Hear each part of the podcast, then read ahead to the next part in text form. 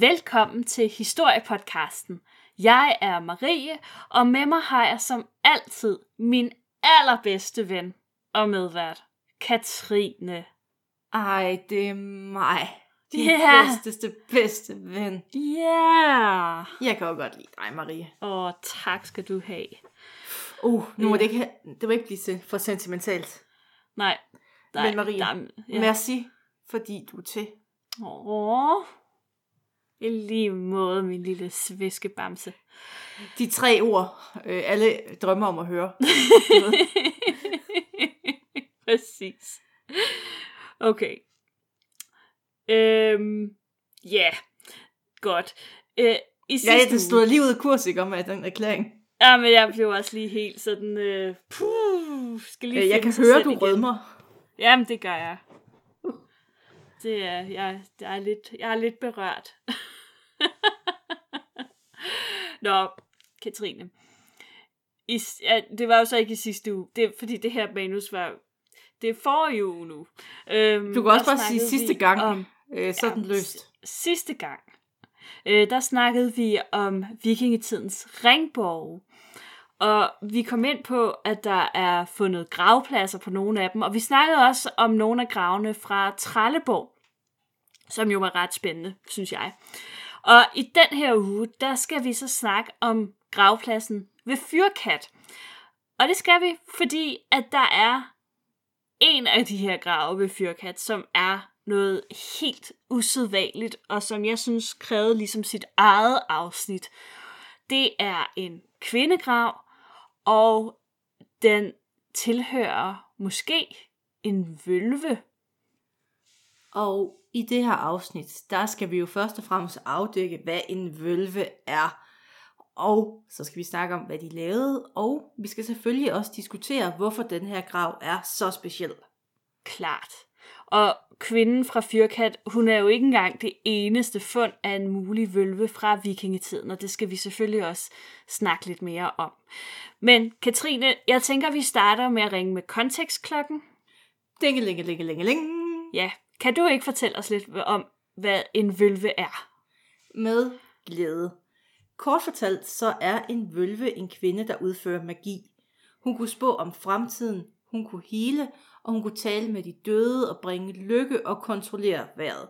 Så det var sådan øh, en svejserkniv af åndelig kontakt. Hun kunne også fremkalde forbandelser, forvirre fjenden og gøre folk syge, og i sidste ende slå folk ihjel. Så der er en, sådan, en todel arbejdsfordeling, godt og skidt. Men Ja. det går igennem den her kvinde, der har kontakt til det hensides. I, virkelig, ja, i virkeligheden er der, er der meget sådan, øh, en, en meget tyk rød tråd fra de beskrivelser, vi har af vølven, til de beskrivelser, vi har af for eksempel hekse i, øh, i lidt nyere tid. Altså jeg Øh. synes jo også, at jeg kunne smage sådan lidt oraklet for Delphi. Ja, og det vender vi jo tilbage til, øh, men den har jeg nemlig også i tankerne. Øh, og den, den magi, som øh, vølven udfører, kaldes sejt. S-E-J-D. Og Øh, sejt er sejt. Sejt og sejt. Øh, fra de islandske sagaer, der ved vi, at det var en vigtig del af vikingetidens tro og kult. Og vølvens vigtigste rekvisitter, det var hendes højsæde, som blev kaldt for Seidjellen. Ja, jeg ved, jælle, jeg ved ikke, hvad det er. Men det hedder den altså, Seidjellen. Og ikke mindst hendes stav, en slags tryllestav. Faktisk så betyder ordet vølve øhm, stav eller stavbærer. Øh, på jysk hedder det en stavbærer. Ja, okay. Så det er jo bare lige sådan en, en Det kan også godt være. Ja, Ifølge sagaerne, der rejste vølverne rundt fra gård til gård, hvor de blev beværtet som æresgæster. Til gengæld skulle de udøve, udøve sejt og give værterne indsigtsfulde svar på spørgsmål om fremtiden. Så det var sådan en, en rejsende, og ja, rejsende ting, hvor man tog Ja. rundt, og så kunne man få lidt god mad, og så spåede man. så spåede man lige lidt. Men det var jo altid med en vis risiko, fordi der findes jo også eksempler i sagaerne på vølver, som bliver dræbt, fordi de er kommet med en spådom, som man måske ikke havde lyst til. Og total ekokammer viking. Fuldstændig. Jeg vil kun høre din spot om, hvis jeg vinder alle tvikkampe fra nu af. Men overordnet set, der var vølverne omgivet af æresfrygt. De havde jo stor magt og besad en særlig viden, fordi de bevægede sig imellem forskellige verdener. Ja, og netop det her med at have en stor magt, den kommer jo også til udtryk i historien om vølvens spådom, hvor selveste Odin, gudernes konge, han opsøger en vølve, og hun fortæller ham jo om Ragnarok, og han betaler hende også med en værdifuld halsring af guld. Og man kan sige, når selveste Odin han, øh, han opsøger en vølve, så siger det altså noget om både hvor integreret en del af samfundet de her vølver har været, men også hvilken position de har haft i samfundet, når selv ja, gudernes konge, og sikkert også andre konger, har brugt vølverne øh, og gået til dem. Som nævnt kendes vølverne især fra de islandske sagaer. Begrebet sejt det kendes fra Saxo også, og endda fra nogle runesten. Men arkeologiske fund bekræfter, at det ikke kun fandtes i fiktionsverden. Vølverne, de var rigtige. Altså, det var, mm. altså rigtige mennesker, der gik rundt. Ja. ja. Og det synes jeg jo, altså det er noget af det fedeste i arkeologi, det er, når vi har øhm, nogle beskrivelser, enten om det er skriftlige kilder, eller i, i bronzealderen for eksempel helleristninger, og vi så finder nogle af de ting i virkeligheden, som er afbildet eller beskrevet. Øh, jeg ved ikke, altså det kan godt være, at det virker banalt, men jeg synes, det er helt fantastisk. Så det her med, at vi rent faktisk har nogle grave, som passer på de beskrivelser af vølver fra sagerne, det er enormt spændende. Og i både Danmark, Sverige og Norge, der har man fundet grave med sådan sjældne og mærkelige ting, som man ellers ikke ser i grave fra vikingetiden. Og det har fået arkeologerne til at tolke de her grave som vølvegrave. Og øhm, vi skal se nærmere på nogle af de her grave, men vi starter altså lige øh, ved Fyrkat. Vi starter stort set, hvor vi slap. Det gør Fordi vi. vi skal tilbage til ringbogen ved Fyrkat, som vi talte om i sidste uge. Ja, eller Omkring... sidste gang. du faldt også i den. det er jo godt, det er mig, der klipper det her. Ja. omkring 50 meter nord for ringbogen, der fandt man en gravplads med omkring 30 grave. Arkeologerne mener, at øh, gravpladsen den er blevet anlagt omtrent samtidig med ringborgen, og den har også kun været anvendt i en kort årrække, måske sådan omkring 5-10 år. Øh, og det er egentlig det samme antal år, som man øh, forventer, at ringborgen har været i brug. Særligt en af gravene skilte sig ud blandt de andre. Faktisk er det en af de mest besynderlige grave overhovedet for Danmarks vikingetid. Desværre var skelettet ikke bevaret, bortset fra lidt sådan tandemalme, emalje og nogle sådan knoglefragmenter. Så lad os bare sige, der, der var ikke rigtig noget. Nej. Men heldigvis, øh, så var der tilstrækkeligt med fund i graven til, at man kunne få et indtryk af den gravlagte, for man fik jo gaver med i vikingetiden. Det gjorde man. Sådan, og man når man kunne... skulle ind i det næste liv, så spiller man alt muligt ned. Man, man skulle have, man kunne, man, you didn't travel light. Simpelthen. Øhm, og der var også, altså det kan godt være, at skelettet ikke var bevaret, men der var ligesom, øh, det er meget lækkert, der var en aftegning, hvor livet ligesom har ligget, fordi når man får rådner og sådan noget, så er der jo alle mulige sådan lige safter og sådan noget, der kommer ned i jorden, og, øh, og det kan altså nogle gange i særlige gode bevarings, øh, under særlig gode bevaringsforhold, så kan de faktisk blive bevaret, så man kunne ligesom have sådan en aftegning af, hvor at der har ligget et menneske i den her grav. Sejt. Og base- ja, det er nemlig lidt sejt. Og baseret på det, øh, så har man vurderet, at hun har været omkring 170 cm høj. Og det er, det er faktisk... som mig. Ja, men det er faktisk lidt over gennemsnittet for kvinder i vikingetiden. Det synes jeg faktisk er lidt interessant. Øh, det er ikke fordi, det er meget, øh, men, men jeg mener, at øh, gennemsnittet ligger sådan på omkring måske 1,65 for kvinder i vikingetid, og mænd er altså lidt over 1,70. Ikke? Men, altså, fordi de bliver lidt højere i vikingetiden, de får en bedre kost og sådan noget. Øhm, men, men de er jo stadig lidt lavere, end vi er i dag. Så det er lidt interessant. Tal Måske det selv. også har noget at gøre med øh, den position, som hun har haft, eller de, de kår, hun er kommet fra. Øhm, hun var blevet begravet i en meget flot blå og rød dragt, som har været broderet med guldtråde.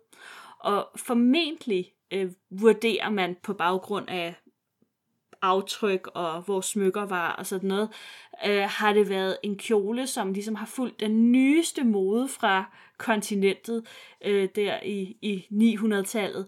Øh, den har været fodlang, med lange hvide ærmer, altså brede ærmer, og et hovedslør med guldkant.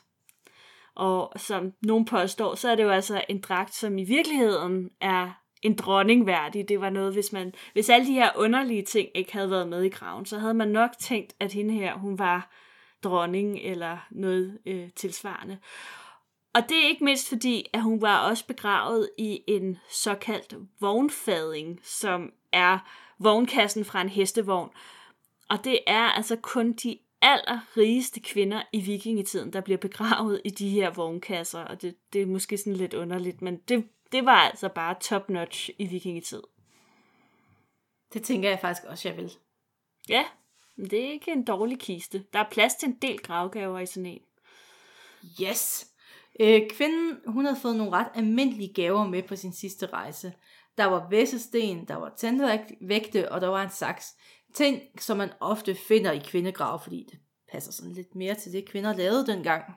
Ja, de var jo, øh, de var jo rimelig kønsstereotype i vikingetiden, det må vi jo nok indrømme. I hvert fald, når det kom til gravgaver. Øhm, så det er jo sådan typisk ting, som kvinder sikkert har beskæftiget sig med at spinde uld og sådan noget.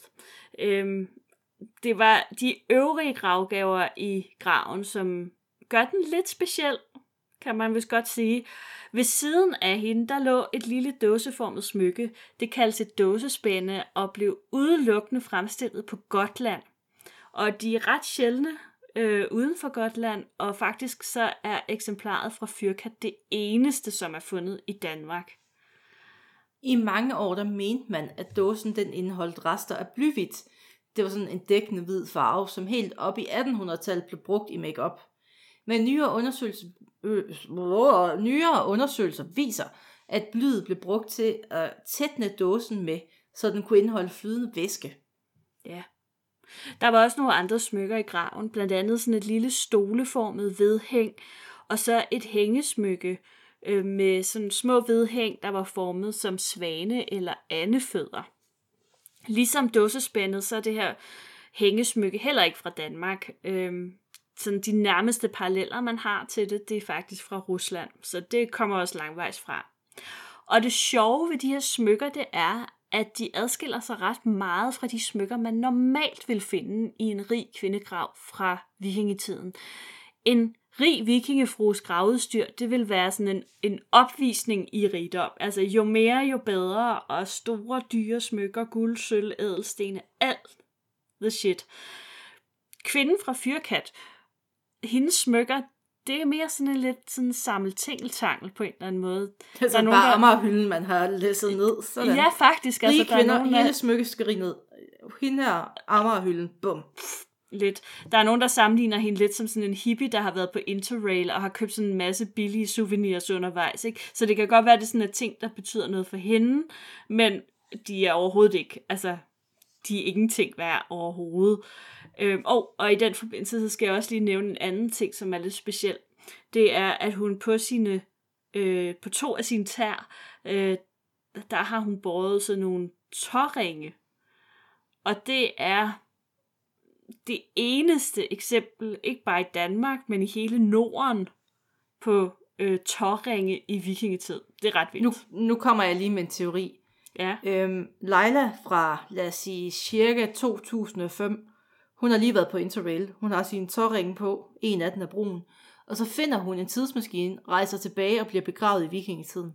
Ja. Det er det, der er sket. Det tror jeg. Det er meget mystisk.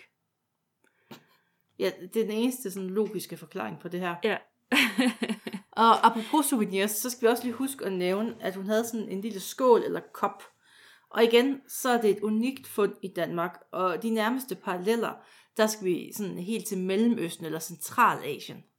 Ja, så hun har altså nogle ting med sig i graven, som til synligheden kommer rimelig langvejs fra.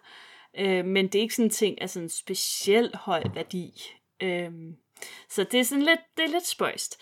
Ved kvindens fødder, der har der stået et træskrin, øh, og de er faktisk ret almindelige sådan i vikingetidsgrave og plejer at indeholde personlige ejendele. Men det her træskrin, det var tomt. Øh, så det var lidt spøjst. Øh, måske er tingene bare forgået i tidens løb. Det kan jo slet ikke udelukkes. Øh, men øh, ud over øh, træskrin og alt det andet der, så øh, indeholdt graven en række småting, som tolkes som amuletter, mærkelige miksturer øh, og frø af bulmeurt.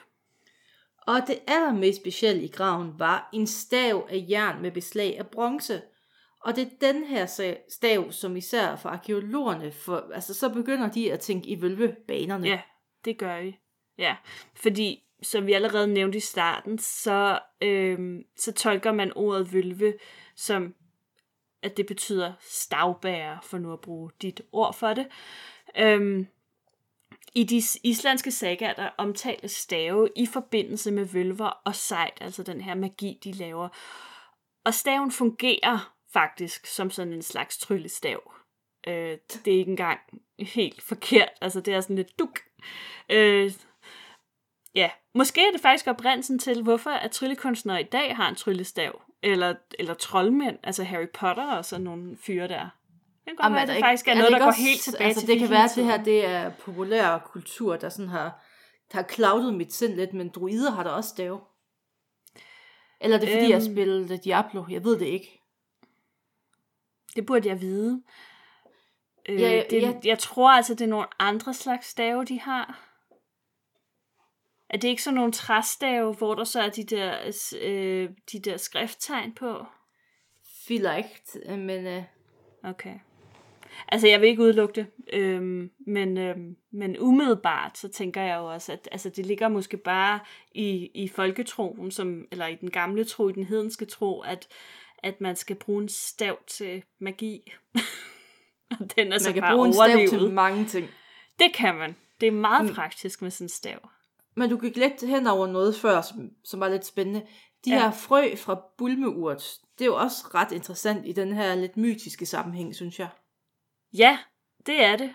Øhm, Fordi det er, jo, det er jo ikke sådan nu, noget, man spiser. Ja, nej, og det kommer vi lidt ind på det der med, med oraklet fra Delphi. Ikke? Fordi bulmeurt, det er en giftig plante, og i for store doser, der kan den slå dig ihjel. Så den skal man passe på med at indtage. Øh, I mindre doser, der kan den fungere som narkotika. Og når man smider frøene på et bål, så kan øh, de udvikle røg, som giver sådan hallucinationer, sådan i lidt mild grad. Men man kan også indtage de her frø i sådan, der skal man bare virkelig være sikker på doseringen, så man ikke dør af det. Øh, og så giver de sådan en stærkere oplevelse. Og i middelalderen, der kaldte man faktisk den her bulmeurt for hekseurt.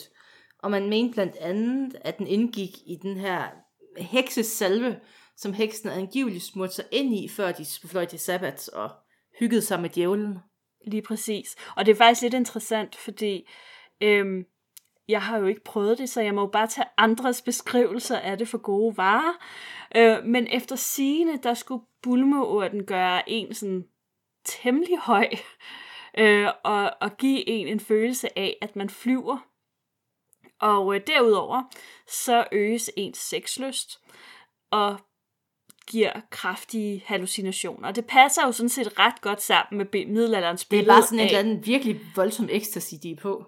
Ja, og det, det passer jo egentlig ret godt sammen med det billede, men, eller de beskrivelser, der er af, hvad der foregik til de her heksesabbater. Så måske har der bare siddet nogle kvinder og indtaget bulmurt, og så, åh oh, mand, jeg var oppe på Bloksbjerg og feste med djævlen.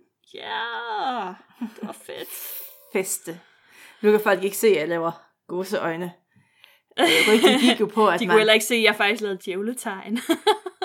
det er super Det godt. her det er den første podcast, hvor vi integrerer. Så det er tegnsprogspodcasten. Ja, det er super godt, når der ikke er billeder på. Lige præcis.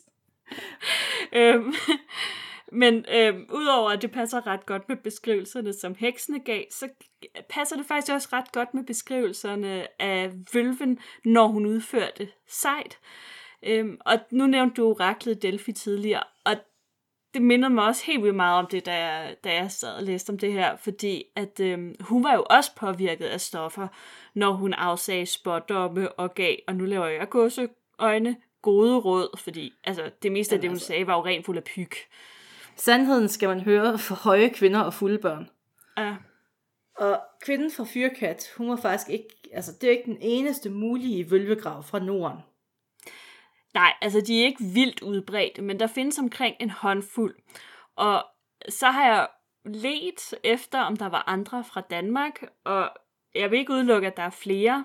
Øhm, fordi det kræver jo ligesom, at der er nogen, der har udgivet artikler om materialet. Lægger du lige Øhm. pres på dine kollegaer? Ja, Kan vi det er en kendskærning inden for mit fag, at folk er notorisk dårlige til at få publiceret deres materialer. Men øh, der var umiddelbart en anden øh, grav fra Roskilde, som bliver tolket som en vølvegrav. Og det er selvfølgelig også en spøjsgrav. Fordi øverst i graven, der fandt man delene af et kvinde- og et mandeskelet. Og over dem, der lå skelettet af en mellemstor hund. Og der er formentlig tale om ofringer i forbindelse med graven. Og så lå graven nedenunder. Vi har før snakket lidt om det her etagegrav, hvor man Ja, lige lægger det- gaverne. Ja. Det var hende derovre, øh, det var, var det ikke hende der isprinsessen fra, øh, fra Hvor man ligesom fik lavet den der falske grav først, og så Ja. den rigtige grav. Lige præcis, så hvis der kom gravrøver, så fandt de den falske grav først, og så fandt de ikke den rigtige grav nedenunder. Troede de. Men altså, nederst i den her grav, der lå skelettet så af en kvinde. Og sådan lidt mærkeligt, så var hendes kranium og overkrop dækket af en kampesten, hvilket man kan tænke lidt over, hvorfor man har gjort det. Ved hovedenden, der havde der også stået en en, øh, ja, der havde stået en træspand, og hun har så også haft et træskrin øh, ved siden af. Og så var der det her, som får vølve øh, alarmlamperne til at blinke. Og det var den her jernstav med et mellemstykke af bronze, øh, som man så går ud fra har haft et træskaft. Så det ligner i virkeligheden, jamen det ligner jo i virkeligheden lidt sådan en ilddrager, eller ildrager, eller hvad det hedder. Ildrager hedder det vist nok. Øh, Ja, og det tolker man altså som en vølvestav, og graven, ja, som en mulig vølvegrav. På Øland i Sverige, der fandt man en kvindegrav med endnu en jernstav, og den havde selvfølgelig også de her bronzeornamenter. Og så var der også en lille husmodel på toppen. Ja, den er meget fin. Det er meget sødt. Og i Ja. graven, der, fandt man også en kande fra Centralasien og en bronzekedel fra Vesteuropa. Og begravet kvinden, hun var iklædt en bjørnepels og var begravet i en skibssætning, som også indeholdt offrede dyr og mennesker. Ja, så det, der er lidt sjovt med den her Ølandsgrav, det er jo, at den ligesom fyrkatkvinden, altså, det er ikke nogen fattig kvindes grav. Altså, det er jo ikke hvem som helst, der bliver begravet i en skibssætning i vikingetiden. Øh, det er folk, der er noget ved musikken. Øh, jeg ved så ikke nok om vikingetid i Sverige til at vide, om hvor udbredt bjørnepels var. Men det lyder fint. Og sådan lidt Det lyder blødt shamanistisk. og varmt. Meget. Ja. Der er også den her ret kendte grav fra Oseberg i Norge. Har du hørt om den før? Den har jeg faktisk hørt om før, ja. Jamen, de fleste har faktisk hørt om Oseberg, men det er også fordi, der, den er jo, det er jo en helt vanvittig grav. Og man kan jo prøve at google billeder af Oseberggraven. Den indeholder to kvinder, som er begravet i et meget flot vikingeskib, som hedder Osebergskibet. Og så er den jo fyldt med alt muligt, den her grav. Og det er ikke bare altså, kander og tallerkener og kopper og sådan noget. Nej, nej, nej, nej. Der er en seng, og der er en slæde, og der er en vogn. Altså, de har bare fået vidderligt hele deres hus med boom, nede i den her båd. Så skulle de sejle til dødsride. Jeg vil også begraves med min Margrethe skål. Jamen, altså, jeg vil have min seng med, tror jeg. Altså. Du har begraves i din seng. Og min Fiat Panda. Det er den, du bliver gravlagt i. Ja. Fylder bagagerum med alt muligt en, en vognfadingsgrav. Nej, det er så med fra en Fiat Panda. Det er for panda-perioden. Åh, ja. Nå, men øh, udover alle de her helt fantastiske ting, der var i den her Oseberggrav, så øh, var der også en lille en stav for det første, og en punkt med cannabisfrø. Frø. Og det skal lige siges, at tolkningen af de her to kvinder, øh, det er, at den ene ligesom er en fornem kvinde af en eller anden art, og den anden er hendes træl eller tjenestepige eller sådan noget. Fedt. Og den, mm. men altså, jeg kan godt lide, at de bare rejst rundt med cannabisfrø. De har bare De har været rundt i hele Norden og bare... Altså, De har haft en kæmpe koger på, altså. Og jeg, skal- i øvrigt, jeg skal lige sige, at det er den rige kvinde, altså det er ikke tjenestepigen, det er den rige kvinde, der har stav og pung med cannabisfrø. det har altså også været lidt af et liv at leve. Bare rejse ja. rundt, og så komme ind og spise og sige, øh, ørnen lander på marken i maj, og så gå, ja, det er og virkelig så sært. videre til næste by. Hej hej. Ej, men vi har en sidste grav, ja. vi lige skal igennem. Og det er for Østergøtland. Og hun var også begravet med en vogn og heste og arabiske bronzekander. Og dertil kom en stav og et lille stykke, altså sådan en lille smykke udformet som gudinden Freja. Kattegudinden.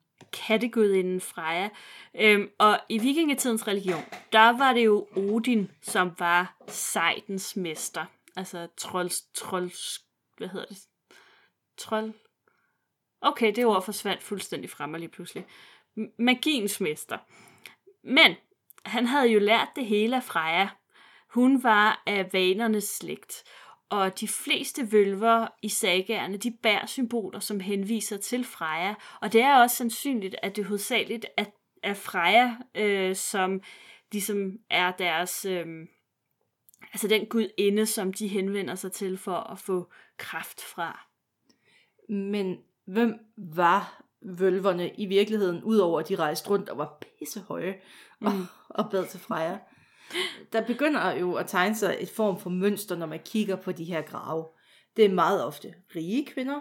Kvinderne, er- altså de har fornemt klædt, og de har haft altså, sådan rimelig kostbare gravgaver med, med undtagelse af hende fra Roskilde, som er blevet begravet i en grav, som jo var en dronningværdig. Ja.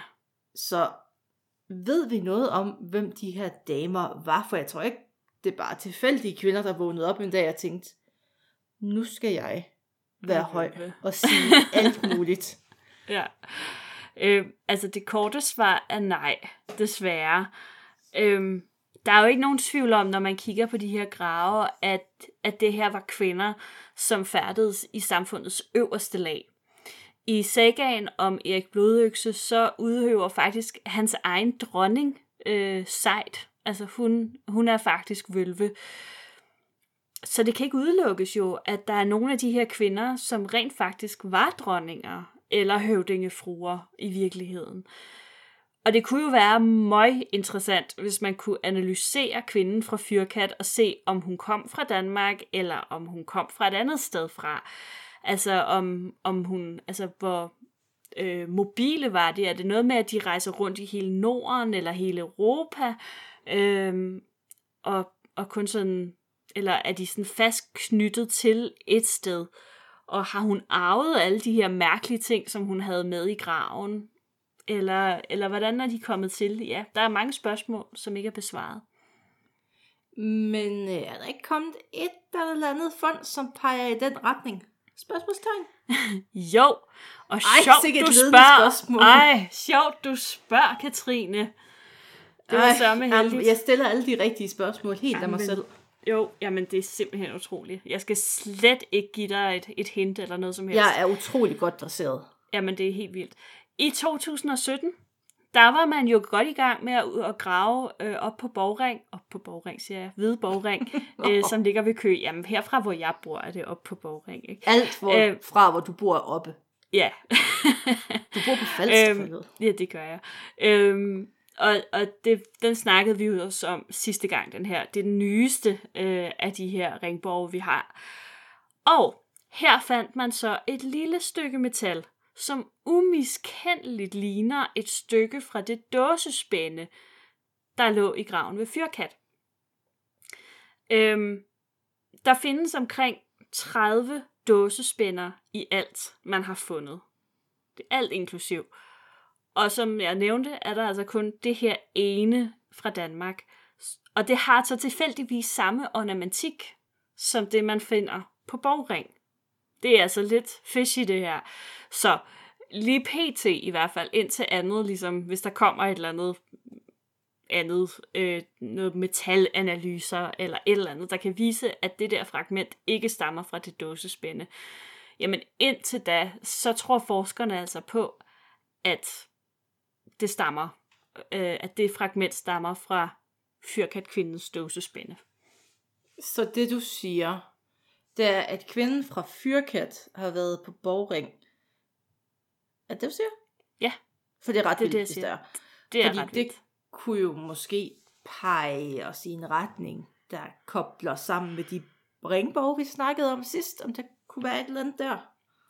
Ja, altså det er jo lidt spekulativt. Ligesom arkeologi generelt er, ja. Ja. Øh, men øh, der er jo nogen, som har foreslået, at kvinden fra Fyrkat simpelthen var Harald Blåtands personlige vølve. Det har man jo absolut intet øh, at basere på, altså andet end, at hun er begravet et sted, som måske er bygget af Harald Blåtand.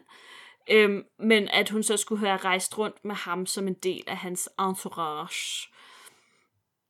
Så Fedt. måske, hvem ved, altså det, det er svært at sige, øhm, men, men på den anden side, de ting, som er i hendes grav, kunne jo godt antyde, at det måske var personer, som rejste meget rundt, så måske har hun været rundt, og måske var Ringborgen et sted, man rejste hen, når man kom til et nyt sted. Må jeg stille random spørgsmål, Marie? Ja, Hvor gamle var de her kvinder, da de døde? det er et rigtig godt spørgsmål, og det ved jeg faktisk ikke. Var det sådan et, altså var det sådan en ung kvindeting, eller var det en ældre kvindeting at være vølve? Øhm, ja, men jeg tror, at sådan som jeg lige øh, husker, at det blev beskrevet, og det er jo primært noget, man ved fra sagagerne, øh, jamen så er det noget, som nok går i arv fra mor til datter. Så Der i er princippet, arvevølve. I, pri- ja, i pri- arvevølvet. Øh, I princippet er man øh, vølve hele livet, tror jeg. Øhm, og Vølve for nogen, life. nogen, nogen i de sagerne er jo gamle kvinder, øhm, og, og nogle er unge kvinder, og, øh, og der kan jo også være forskel på, hvornår man dør. Altså, og det var jo også pointen Altså, jeg vil nogle sige, af dem blev jo slået ihjel. har Altså. et job, som er baseret på, at man går og tager nogle rimelig hæftige stoffer, Ja, så kunne det godt være, at man ikke døde sindssygt gammel. det kunne godt være. Altså, det gjorde man generelt ikke. Nej, men altså, vikingetiden endnu heller, så- mindre. Men gammel. endnu mindre, ja. ja. Øh, næste øh, random spørgsmål. Øh, kunne der være mandlige vølver? Ja, det kunne der faktisk godt. Øhm, jeg tror ikke, de hed vølver. Men mænd kunne godt udføre sejt. Odin var jo faktisk, som jeg nævnte tidligere, sejtens mester. Og øh, faktisk, øh, så hed de her mænd, der udførte sejt, de hed sejtmænd eller sejt karle eller kale. Og selvom Altså, vi har faktisk det, og det var, nu nævnte du, at vi havde det her ord sejt fra en runesten, og det er faktisk et sted, hvor der står, at de her runer er blevet ristet af en sejtkal. Ikke en sejkal, men en sejtkal. Det er smukt. Øh, ja. Øhm, men, selvom at Odin praktiserede sejt, så var det langt fra sejt. øh, ej, det var langt fra prestigefyldt. Øhm, og man, man mener faktisk, at altså, det bliver i de islandske sager kaldt for ergi, øhm, som betyder umandigt. Og øh, det forbindes faktisk med homoseksualitet. Og her skal jeg jo selvfølgelig sige, at dette er ikke historiepodcastens holdning. Alle kan udføre magi og sejt. Men i vikingetiden var man en lille smule konservativ, når det kom til den slags ting, og øhm, homoseksualitet var ikke populært blandt vikinger. Øhm, og slet ikke, når det er øh, de islandske sagaer, som er skrevet af kristne munke i 1200-tallet. Gav det mening? Det, det gav fin mening. Godt. Men altså, hvad tænker du så om vølver og vølvegrave? Øh, først og fremmest tænker jeg, sikke en livsstil. Ja. Jeg har jo satset fuldstændig forkert i mit liv. Ja, Kan man blive moderne vølve? det kan man helt sikkert. Altså, jeg ved, Ja, ja, der er at 100, altså, det er jo bare en form for et, hver, et hvert vikingemarked har en vølve, det er jeg helt sikker på. Jeg ved i hvert fald, at nede i Borg Vikingehavn, der har de øh, også en vølve, som kommer og laver ritualer om sommeren for turisterne. Jeg har selv set Ej. det. Ej. Ja. Ej, men det, det er jo interessant med vølvegrav også, fordi øh, min tanke er, hvor mange vølver har der rendt rundt? Har der været Ja. flere? Har der været konkurrerende vølver? Ja, Øh, ja det, er, det, det er et god pointe, fordi man kan jo sige, at altså, har de kunnet, øh, hvis nu der var en, hvis nu for eksempel, hvis vi tager vølvens spot om, ikke, og så kommer der sådan en vølve der, som siger, jorden går under, og det er øh, Odin, der starter det hele, eller et eller andet, ikke? Og så kan han gå hen til en anden vølve, som siger, det er noget vås, der kommer ikke noget Ragnarok. Ja, fordi i Grækenland, der havde man jo ligesom oraklet Delphi, og så havde man. Ja. også nogle andre. Men det var ligesom der, man primært gik hen. Og havde man en primær vølve? Eller havde Det tror jeg. Var, det, var det en beskyttet titel? Ja, det, det er et godt Var spørgsmål. der et vølve ting? Altså, ja, et vølve-TM. Øhm, jamen, Jamen, jeg tror... Et vølve ting, altså for eksempel, hvor vølverne mødtes, og altså, det lyder helt fagforeningsagtigt, men snakkede om, hvordan Jo, det det gjorde fungere. druiderne jo. Altså, Ja. ja. der, druiderne mødtes jo i sådan nogle, til sådan nogle mm, konferencer nærmest en gang om året, eller hvert andet år, eller sådan et eller andet, hvor at, at druider for eksempel fra hele Irland, de mødtes et sted i Irland. Og det tror jeg da sagtens kunne have foregået også.